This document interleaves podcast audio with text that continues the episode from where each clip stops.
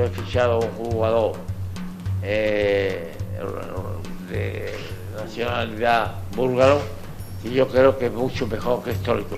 Y como podrán ustedes comprobar, yo lo he cronometrado, es mucho más rápido que Gento.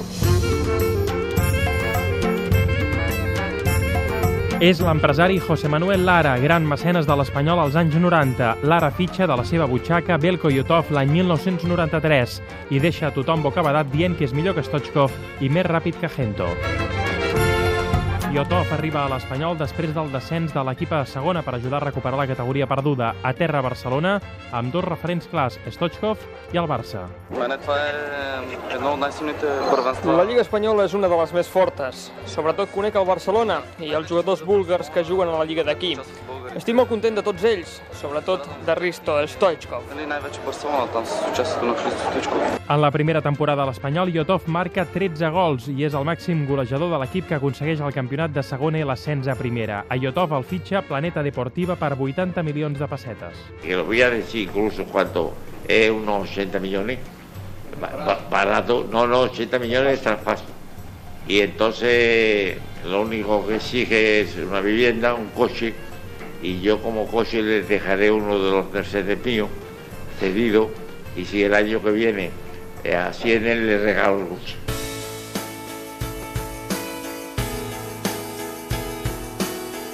El llavors president de l'Espanyol, Francesc Perelló Pichi, agraeix la peculiar inversió de l'ara amb xifres a les quals l'Espanyol no pot arribar. Perelló gairebé demana disculpes a la gent. Tenemos que estar agradecidos al señor Lara, que es el que ha corrido contra el lugar. No es corriente, pero en esos momentos sea corriente, no sea corriente, para nosotros primero es la entidad.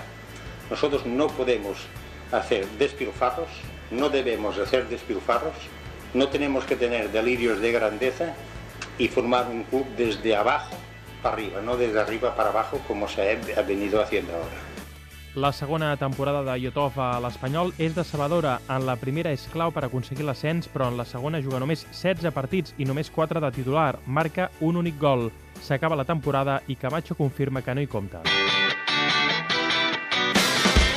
Dos anys abans arriba a l'Espanyol el primer búlgar, Nasko Sirakov. El seu rendiment la temporada 1990-91 discret, 3 gols en 24 partits, un de penal contra el Sevilla, un altre gol a l'Oviedo i un altre a l'Atlètic de Bilbao. I para de comptar. És tot el balanç golejador del davanter que arribava del Saragossa, on una lesió greu li va impedir triomfar. Quería demostrar aquí en España que, que soy, qué jugador soy, porque yo creo que, que no puedo jugar así en Zaragoza como puedo. Y creo que Español eh, es un equipo con, con mucha historia.